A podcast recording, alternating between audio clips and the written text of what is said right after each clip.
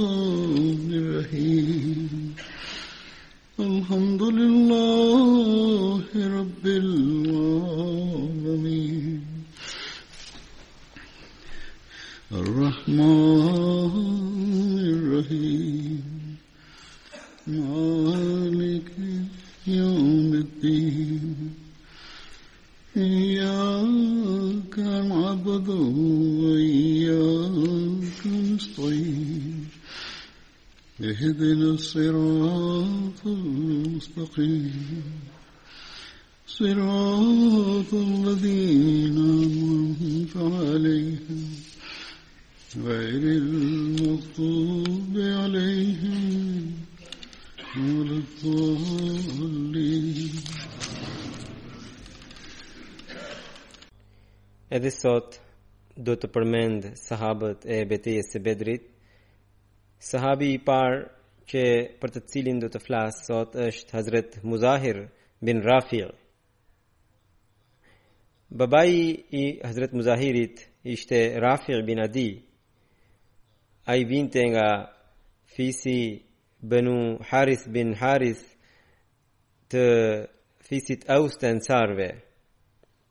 Hazret Muzahir dhe Hazret Zuhair ishin vllezër dhe të dy ishin xhaxha të Rafi bin Khudejxhit. Pra, përmendet edhe Rafi bin Khudejxhi, i cili edhe pse nuk ishte sahabi i Bedrit, por ai ka një pozitë në historinë islame. Pra, edhe nipi quhej Rafe, edhe babai i tyre ishte, kishte emrin Rafe. Tani Rafe dua të flas edhe për nipin shkurtimisht, që ishte sahab, pra që ishte Rafe. Ai e paraqiti veten për të marrë pjesë në betejën e Bedrit, por i dërguari i Allahut sallallahu alaihi wasallam për shkak të moshës së tij të vogël e ktheu Por në betejën e Uhudit e lejoi. Hazrat Rafi mori pjesë në betejën e Uhudit, në betejën e Khandekut dhe në të gjitha betejat e tjera. Ditën e Uhudit armiku qëlloi me një shtizë shtizë, në brinjën e tij, shtizën e nxorën, por pjesa e përparme e shtizës mbeti në trupin e tij deri në fund të jetës së tij. Dhe i dërguari i Allahut sallallahu alaihi wasallam tha për Hazrat Rafiun, që unë ditën e gjykimit do të dëshmoj për ty. Ai ndroi jetë në periudhën e Abdul Malik bin Marwanit në vitin 74 pas Hixhretit në moshën 86 vjeçare. Pra, Ky ishte nipi. Tani dua të them edhe për vllain e sahabit në fjalë, pra Hazrat Zuhairit. Imam Buhariu thotë që Hazrat Zuhairi bashkë me vllain e tij morën pjesë në betejën e Bedrit. Edhe Imam Buhariu nuk e përmend emrin e vllait. Por komentuesit e Buhariut tregojnë që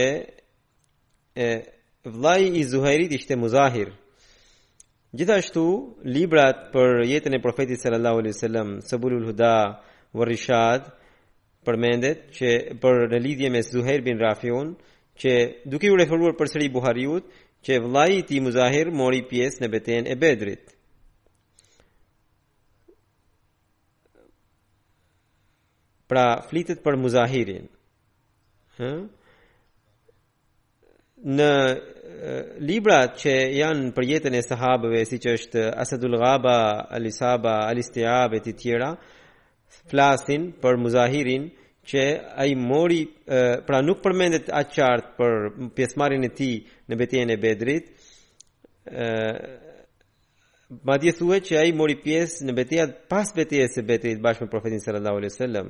Hazrat Muzahiri ndërroi jetë në periudhën e kalifatit të Hazrat Omerit. Yahya bin Sahli, por huzuri shton që këto libra, këta libra që libra që flasin për pjesëmarrjen e tij në betejën e Bedrit janë më të besueshëm, rrëfimet e tyre janë më të besueshme. Yahya bin Sahal bin Abu Hasma tregon se Hazrat Muzahir bin Rafi Harsi pra sahabi në fjalë erdhi tek babai im dhe solli disa punëtorë të fuqishëm nga Shami, pra nga Siria, për të punuar në tokat e tij.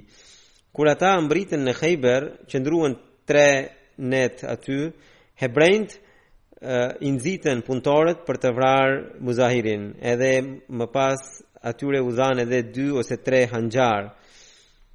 Kur Hazrat Muzahiri doli nga Khayberi dhe ishte në vendin Sibar, që është 6 milje larg nga Khayberi, këta punëtorë e sulmuan Hazrat Muzahirin dhe ia çanë stomakun edhe e martirizuan. Më pas u kthyen në Khayber, ku hebrenjtë u dhanë ushqime dhe shpërblime edhe i nisën përsëri drejt Sirisë edhe këta mbërritën në Siri.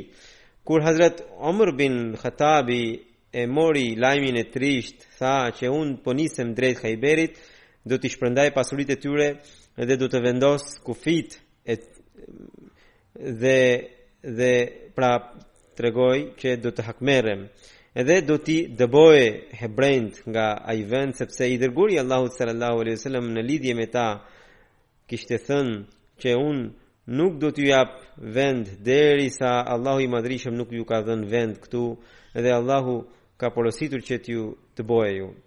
Kështu që Hazrat Omeri radiallahu anhu kështu veproi, kjo ngjarje e martirizimit të Muzahirit ishte e vitit 20 pas hixhretit. Sahabi tjetër për të cilin do të flas sot është Hazrat Malik bin Qudama, Babai i Malik bin Qudamas ishte Qudama bin Arfaja. Qudama bin Arfaja, kurse sipas një rrëfimi tjetër, gjyshi i tij nuk ishte Arfaja, por Harith. Pra emri i gjyshit të tij ishte Harith. ose përmenden të dy emrat. Hazrat Malik vi Maliku vinte nga fisi Banu Ghanam i fisit Eus të Ansarve. Hazrat Maliku bashkë me vëllain Hazrat Munzir bin Qudama morën pjesë në betejën e Bedrit. Më pas ai mori pjesë edhe në betejën e Uhudit. Sahabi i radhës është Hazret Khuraim bin Fatik.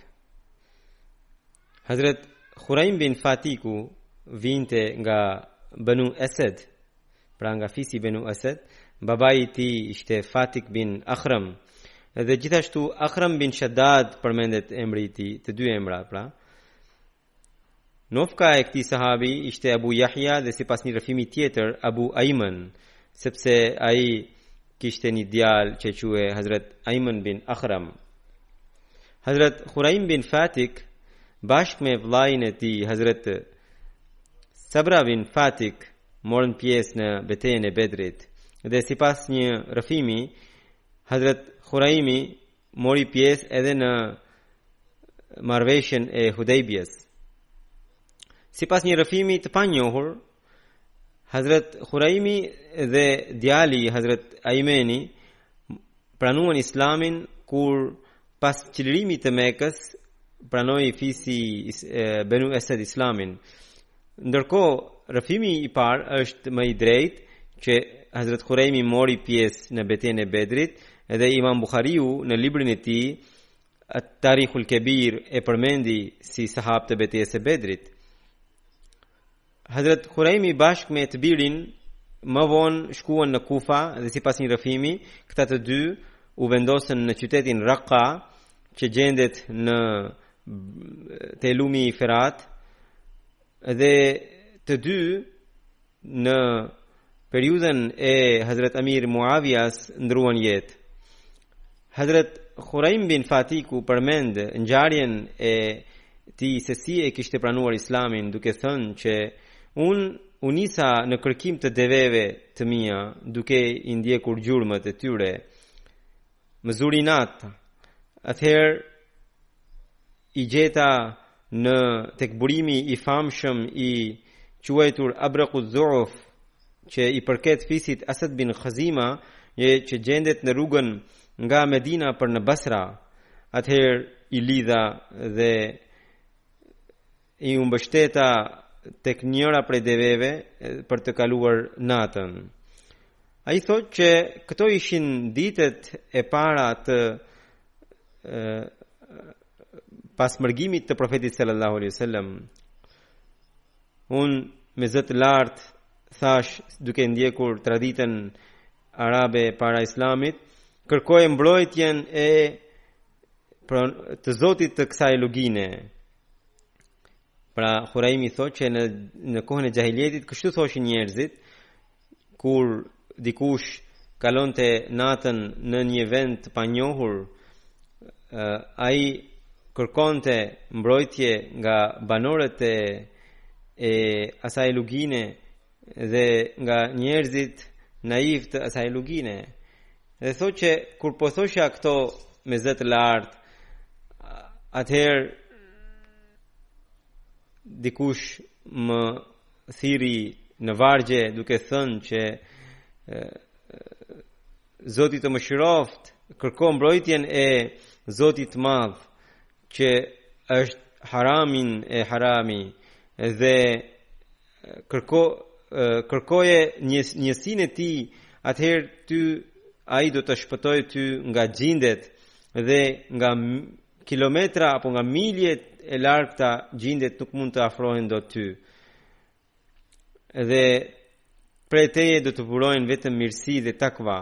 Hazret Hurejmi tha, në si duke iu përgjigjur o thirrës këtë që e thotë këtë që e thua ti është diçka e mirë apo si është po më devion pra për të këto gjëra ishin të çuditshme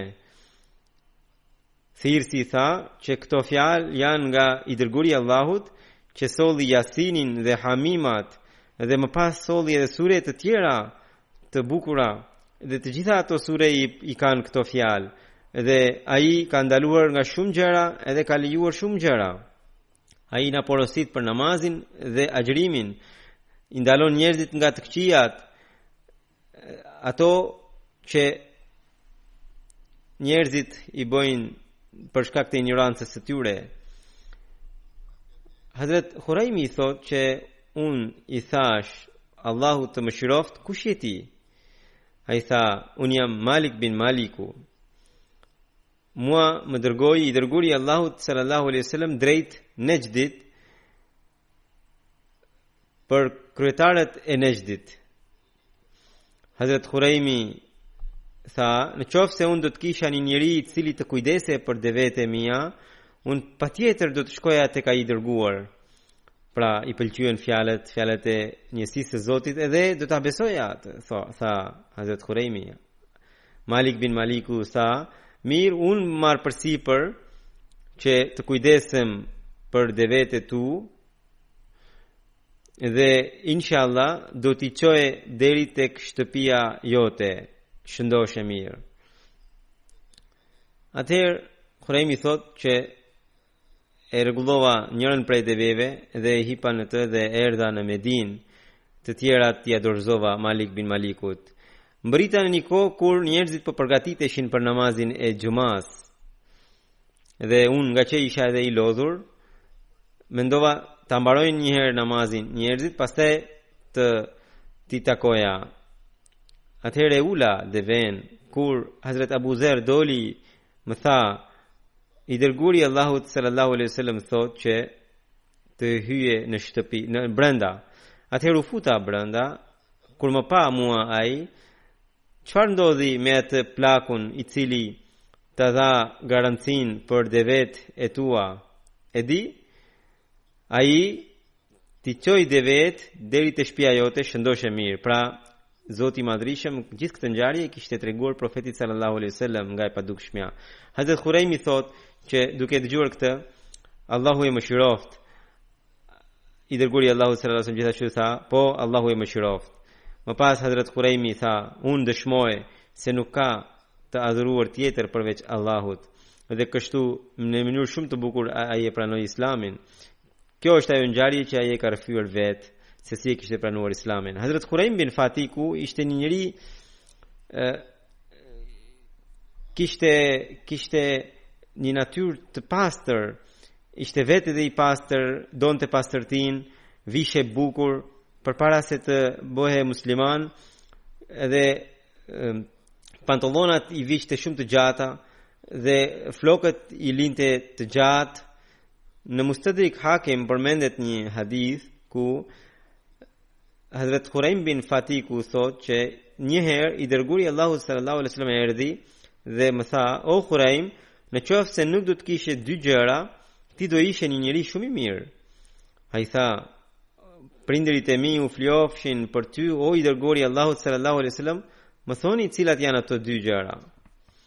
Profeti tha, këto zgjatja e flokëve të tu dhe zgjatja e pantallonave, sepse në atë kohë, pantallonat i zgjasnin për shkak të mburrjes, për shkak të krenarisë.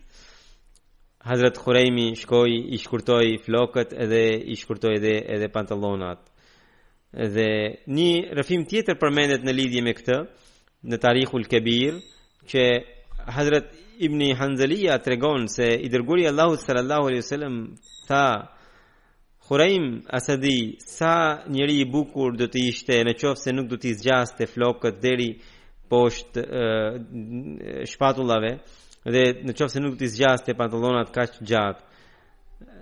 Sepse në atë kohë njerëzit siç ju thashë i zgjasnin për shkak të mburrjes, për të treguar pozitën e tyre.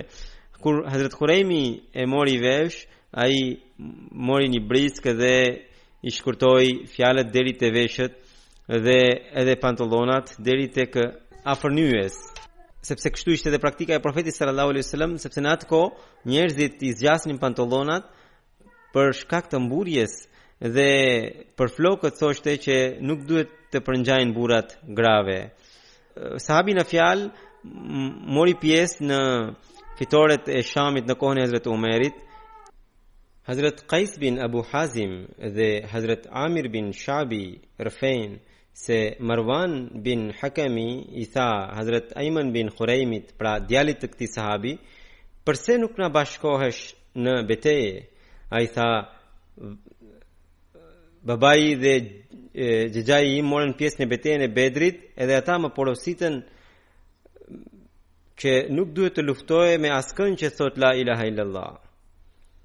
Hazret Ajmeni i tha Marwan bin Hakemit gjithashtu që në qoftë se ti do të më sjellësh shpëtimin nga xhehenemi, atëherë do të bashkohem me ty. Marwani tha largohu prej nesh. Ai doli edhe këndonte këto vargje, përkthimi i tyre është që unë nuk do të luftoj kurrë kundër askujt i cili thjesht këndon i këndon ndonjë mbreti tjetër të kurejshve, sepse ai do ta ketë mbretërinë e tij kurse unë do ta marr mëkatin sipër meje. A mund të vras ndonjë musliman pa asnjë faj? Në qoftë se do të bëj një gjë të tillë, unë sado që të jetoj nuk do të ketë vlerë jeta ime aspak. Duke parë gjendjen e muslimanëve të sotëm, kuptojmë se sa larg kanë përfunduar nga mësimet e sahabëve. Sahabi tjetër që do të përmend sot është Hazrat Muamir bin Harith. Hazrat Muamir bin Harithi vinte nga fisi Banu Juma i Kurejshve.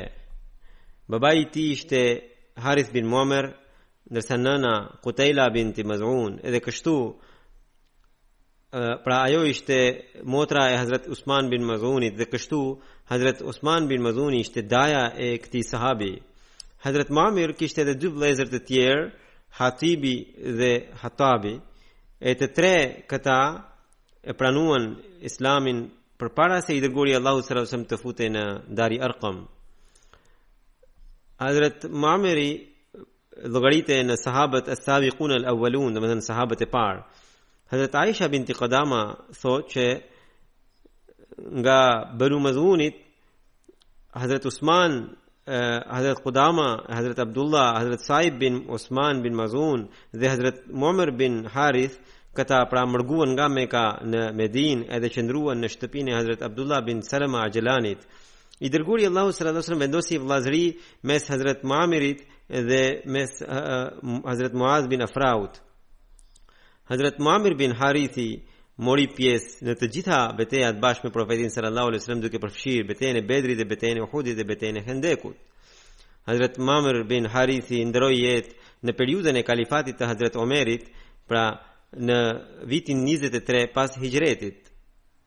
Sahabi tjetër që do të përmend sot është Hazrat Zuhair bin Rafi.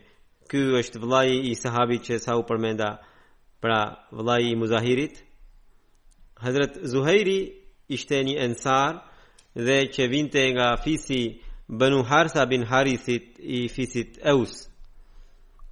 Hazrat Zuhair bin Rafi kishte një djalë që quhej Usaid, i cili gjithashtu ishte sahab i profetit.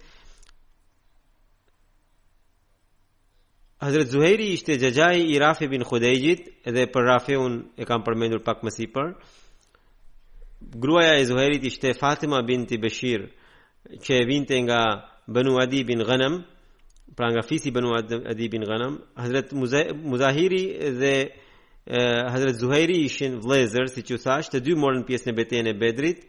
Sipas dy tre rrëfimeve që nuk ishin, nuk kanë marrë pjesë, por shumica e rrëfimeve thonë që ata marrën morën pjesë në betejën e Bedrit. Hazrat Zuhairi pra mori pjesë edhe në bejtin Aqba të dytë dhe betejën e Bedrit dhe betejën e Uhudit dhe në të gjitha betejat bashkë me profetin sallallahu alaihi wasallam. Hazrat Rafi bin Khudayji rrëfen përmes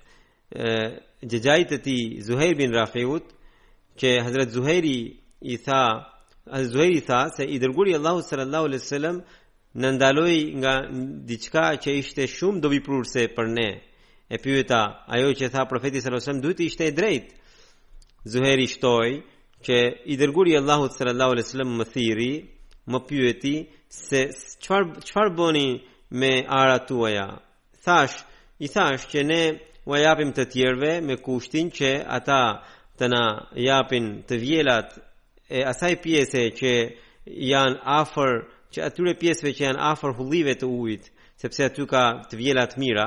Edhe gjithashtu në hurma dhe në drithra ne të merrnim një vesk nga në disa vesk Një vesk kishte 60 sa dhe një sa kishte ishte barabartë me 2.5 kg, pra 2 kg e gjysmë.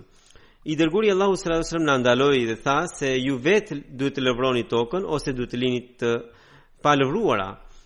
Rafi tha, unë e dëgjova dhe kështu do të veproj dhe më pas ky vetë do të lëvronin ose do të jepim tjetërkujt në atë formë që edhe ai të merrte pjesën e vet mjaftueshme Edhe ne të merrnim të drejtën tonë. Sahabi tjetër që do të përmend sot është Hazrat Amr bin Ayas. Hazrat Amri vinte nga Jemeni dhe ishte aleat me fisin e ansarëve Banu Lawzan. Babai i tij ishte Ayas bin Amr.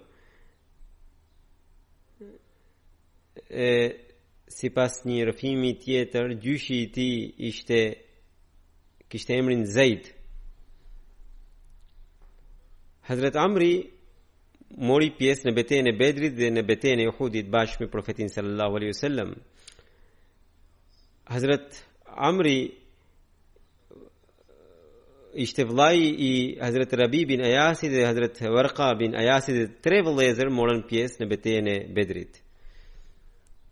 Sahabi tjetër është Hazret Mudlij bin Amr. Emri i tij njihet edhe Mudlaj. Ai vinte nga fisi Banu Hajar, që është dega e e fisit Banu Sulejmit. Dhe ishin aleatë me Banu Kebir bin Ghanem bin Daudanit, edhe sipas një rëfimi tjetër, aleatë me Banu Amr bin Daudanit. Edhe ata më pas ishin aleatë me Banu Abdi Shemsit. Hazret Mudlixhi mori pjesë në betejën e Bedrit bashkë me dy vëllezërit e tjerë, Hazret Sakfi bin Amr dhe Hazret Malik bin Amrit. Hazret Mudlixh bin Amri mori pjesë në të gjitha betejat bashkë me Profetin sallallahu alaihi wasallam duke përfshirë Bedrin, Uhudin dhe të tjerat. Hazret Mudlixh bin Amri Ndërroi jetë në vitin pesëdhjetë pas Hixhretit në periudhën e Hazret Amir Muavias. Sahabi tjetër që do të përmend sot është Hazret Abdullah bin Suhejli. Hazret Abdullah babai i tij ishte Suhejli, Suhejl bin Amri dhe nëna e tij ishte Fahta bin Amri. Vëllai i tij ishte Abu Xhendel, Abdullahu ishte i madhi në moshë nga Abu Xhendeli. Nofka e Abdullahut ishte Abu Suhejli. Hazrat Abdullah bin Suhejli vinte nga fisi i Kurejshëve, Banu Amir bin Laui. Ibn Ishaku thotë që ai ishte ndër mërgimtarët pra e të, të Abisinisë që kanë bërë hixhretin e dytë në Abisini. Kur Abdullah bin Suhejli u kthye nga hixhreti i Abisinisë, hixhreti i dytë i Abisinisë, babai i tij e mori dhe e detyroi të kthehej nga feja, pra Hazrat Abdullah bin Suhejli në dukje tregoi se ishte kthyer nga Islami dhe përsëri ishte përfshirë në fenë e të parëve dhe më pas u bë gati për të marrë pjesë në betejën e Bedrit duke u rreshtuar në krahët e idhujtarëve dhe Pra, u nis kështu drejt Bedrit, pra, i dha në zemër nuk e kishte këtë gjendje. Kështu, Hazret Abdullah bashkë me babain e tij Suhejl bin Amri ishte në Të njëjtën kafshë pra udhëtonte dhe babai i tij aspak nuk dyshonte që nuk dyshonte në heqjen dorë të djalit nga Islami në vendin e quaj, vendin e Bedrit kur muslimanët u rreshtuan përballë idhujtarëve. Atëherë Abdullah bin Suhejli vrapoi dhe shkoi në drejtim të muslimanëve duke iu bashkuar atyre dhe pranoi islamin përsëri në dorën e profetit sallallahu alaihi wasallam dhe kështu në gjendjen kur ai ishte musliman e mori pjesë në betejën e Bedrit dhe në atë kohë ai ishte 27 vjeç ë babai i tij u zemrua shumë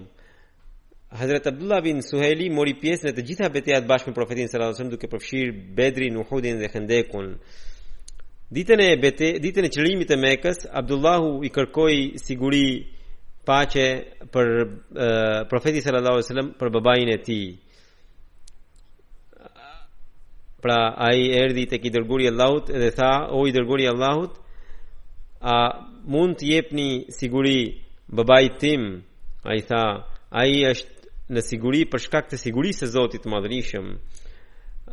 Ai duhet të dalë nga shtëpia dhe atëherë njerëzve që e rrethonin profetin sallallahu alajhi wasallam Kushdo që shef Suhejl bin Amrin të mos e shikojë me poshtërim pasha jetën time Suhejli pa dyshim është një njeri i mençur dhe i ndershëm dhe një njeri i tillë nuk duhet të rrijë jashtë islamit Hazret Abdullah bin Suhejli shkoi tek babai i tij dhe ia tregoi gjithçka që kishte thënë profeti sallallahu në lidhje me të Suhejli tha, pasha zotin, profeti edhe në kohën e rinisë, edhe në kohën e pleqërisë, ka qenë njeri i mbarë.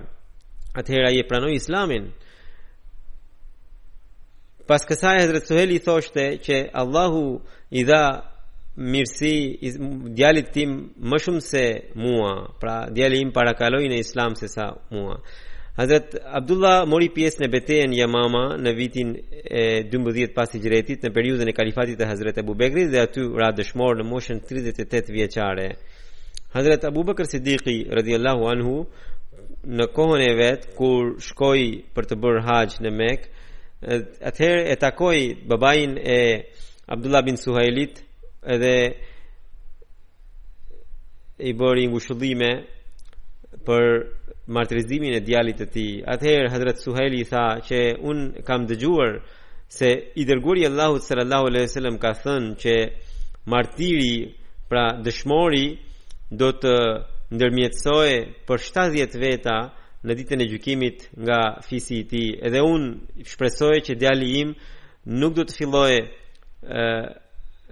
nga për të për të ndërmjetësuar askënd tjetër përveç meje pra do të ndërmjetësojë edhe për mua thoshte ai një rrëfim tjetër thotë që Hazret Abdullah jetoi gjatë edhe në moshën 88 vjeçare u martirizua në vendin e quajtur Xhavasa afër Bahreinit dhe kjo ky vend kishte rënë në duart e muslimanëve në periudhën e kalifatit të Hazrat Abu Bekrit pikërisht në betejën Jamama në 12 vitin 12 pas hixhretit Hazrat Yazid bin Harithi është sahabi tjetër që do të përmend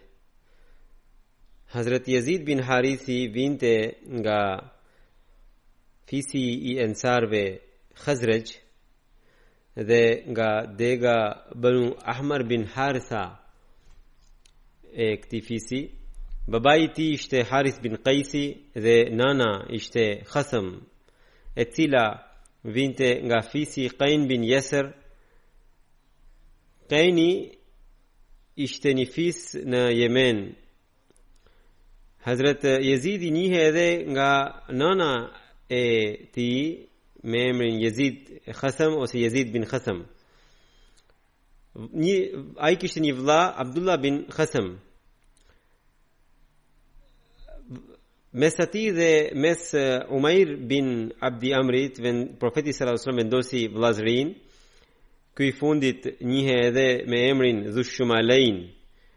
Domethënë Ibn Hishami tregon në lidhje me Dhushumaleinin që atij i thuhej kështu sepse ai punonte më shumë me dorën e majtë. Ai kishte edhe një nofkë tjetër Zul Yedain, domethënë njeriu i dy duarve, sepse përveç se punonte me dorën e majtë, edhe dorën e djathtë e kishte shumë të fortë, madje duart i kishte të gjata. Edhe për këtë arsye ai njihej edhe Zul Yedain, pra punon njeriu i dy duarve.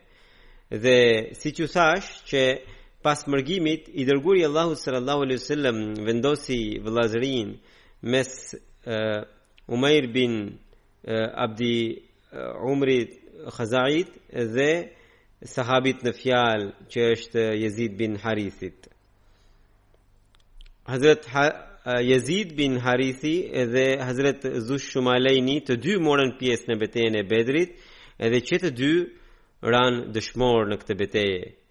Naufel bin Muavia Dejli ishte ai që vrau Hazret Jezidin dhe sipas një rrëfimi tjetër vrasësi i tij ishte Tuajma bin Adi. Hazrat Yazid bin Harithi kishte disa degë hurmash në dorë edhe ai ai ato i hodhi dhe filloi të luftonte gjersa ra dëshmor. Sahabi i radhës është Hazrat Umair bin Hamami. Hazrat Umair bin Hamami vinte nga familja Haram bin Kabit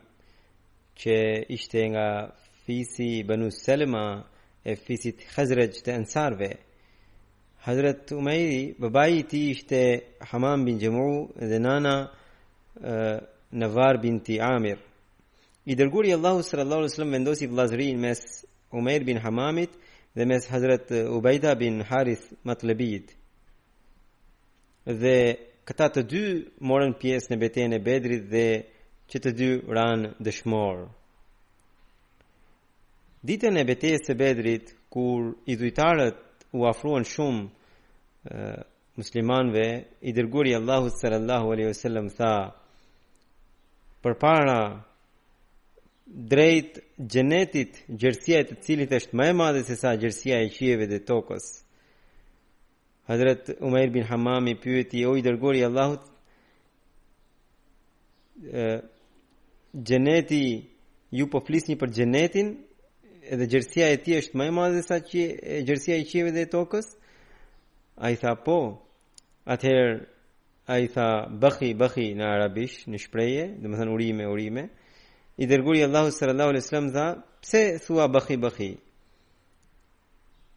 Ai tha, O i dërguari i Allahut, pasha Zotin, unë gjithmonë dëshiroja që të isha banor i atij xheneti. Profeti sallallahu alaihi wasallam tha, ti je banor i atij xheneti. Hazrat Umair bin Hamami po merrte hurma nga koshi i shigjetave të tij dhe po i hante dhe në atë kohë tha,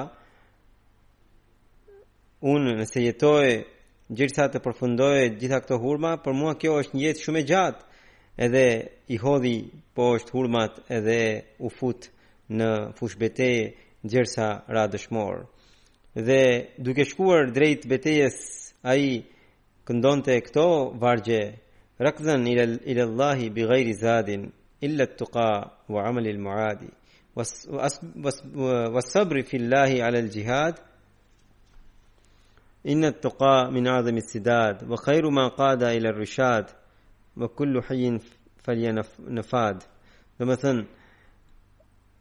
Prej Zotit, ushqimi më i mirë për rrugë është takvaja, që është ushqimi për ahiretin dhe unë duroj, unë do të duroj në rrugën e Allahut për xhihadin dhe takvaja është arma më e fortë dhe çdokush është i gjallë do të vdesë. Sahabi në fjalë e martirizoi Khalid bin Alami edhe sipas disave e martirizoi një tjetër njeri edhe thuhet që ky ishte një prej dëshmorëve të parë të ensarëve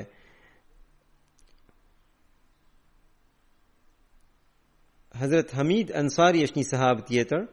Hazret Zubejri tregon që në Medinë ishte një tokë e vrazhdë, plot me gurë dhe ai ka pasur një zënkë me një musliman tjetër që ishte ensari dhe zënka ishte grindja ishte për shkak të një hulliri të ujit që vadiste të dy arat e të, të dyve dhe kur këta shkuan të dy pra tek profeti sallallahu alaihi wasallam dhe i kërkuan zgjidhje, profeti tha i tha Zubairit që Zubair meqë ti e ke shtëpinë më përpara, pasi do ta vadisësh arën, do t'ia lirosh shokut fqinjit hullirin e ujit. Ensari në fjalë menjëherë iu përgjigj profetit sallallahu alaihi wasallam duke thënë o profet, Zuberi është djali i hallës tënde. Edhe prandaj ti po jep vendimin në në mbështetje të tij. Profeti sallallahu alaihi wasallam u skuq dhe u zemërua dhe tha që deri tani unë kisha folur që Zuberi të i bënte mirësi ty, por tani unë do të flas që Zuberi të marrë të drejtën e vet. I tha, pastaj i tha profeti Zuberit, Zuber, mbaje hullirin gjersa ara jote të mbushet plot me ujë dhe pastaj lëshoje. Dhe pra profeti sallallahu alaihi wasallam në fillim kishte dhënë vendimin që të dy të merrnin sipas nevojës ujin edhe të gëzoheshin, por ky ensari nuk u kënaq dhe Hazrat Zubeiri thosht, thoshte që unë mendoja se ky ajet për këtë kishte zbritur fala wa rabbika la yu'minuna hatta yuhakkimuka fima shajara bainahum domethënë për, për Zotin tënd këta nuk do të besojnë derisa derisa nuk do të marrin ty si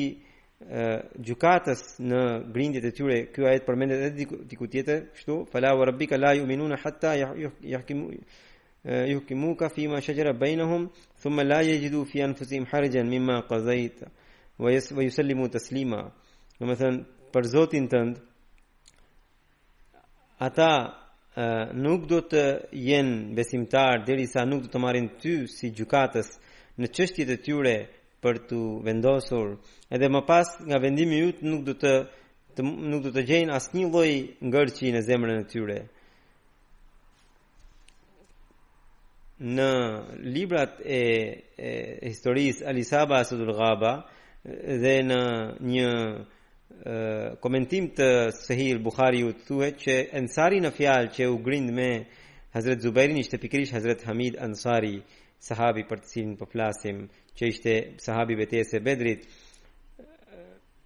Djalli gjithmonë sulmon fshehtas, megjithatë për gjithë këta sahabë të betejës së Bedrit, Allahu i Madhërishëm ka thënë që unë i kam falur.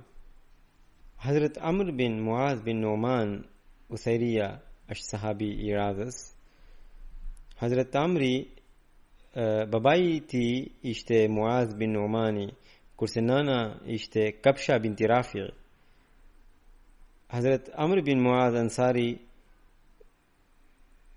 është vllai i kryetarit të fisit Ashhali Saad bin Muadhi fisi i tyre njerëzit e fisit të tij quhen edhe Ashhali dhe një pjesë e madhe e njerëzve e këtij fisi pranuan Islamin Hazrat Asim bin Amr bin Qatada thotë që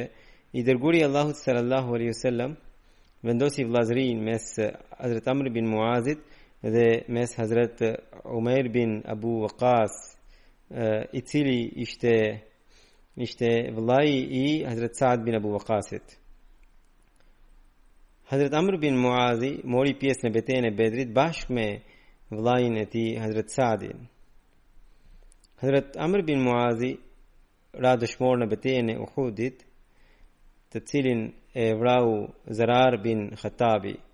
Zirar bin Khattabi kur po e vriste Hazret Amr bin Muazin dhe kur shtiza përshkoi gjithë trupin e tij, ai u tall dhe tha që tani mos e humb atë njeri i cili do të ta martoj ty me një hyrie symadhe. Zirari nuk ishte musliman në atë kohë dhe e, përdori një ironi therëse gjatë vrasjes. Zirari do të pranonte islamin në, menjëherë pas çlirimit të Mekës.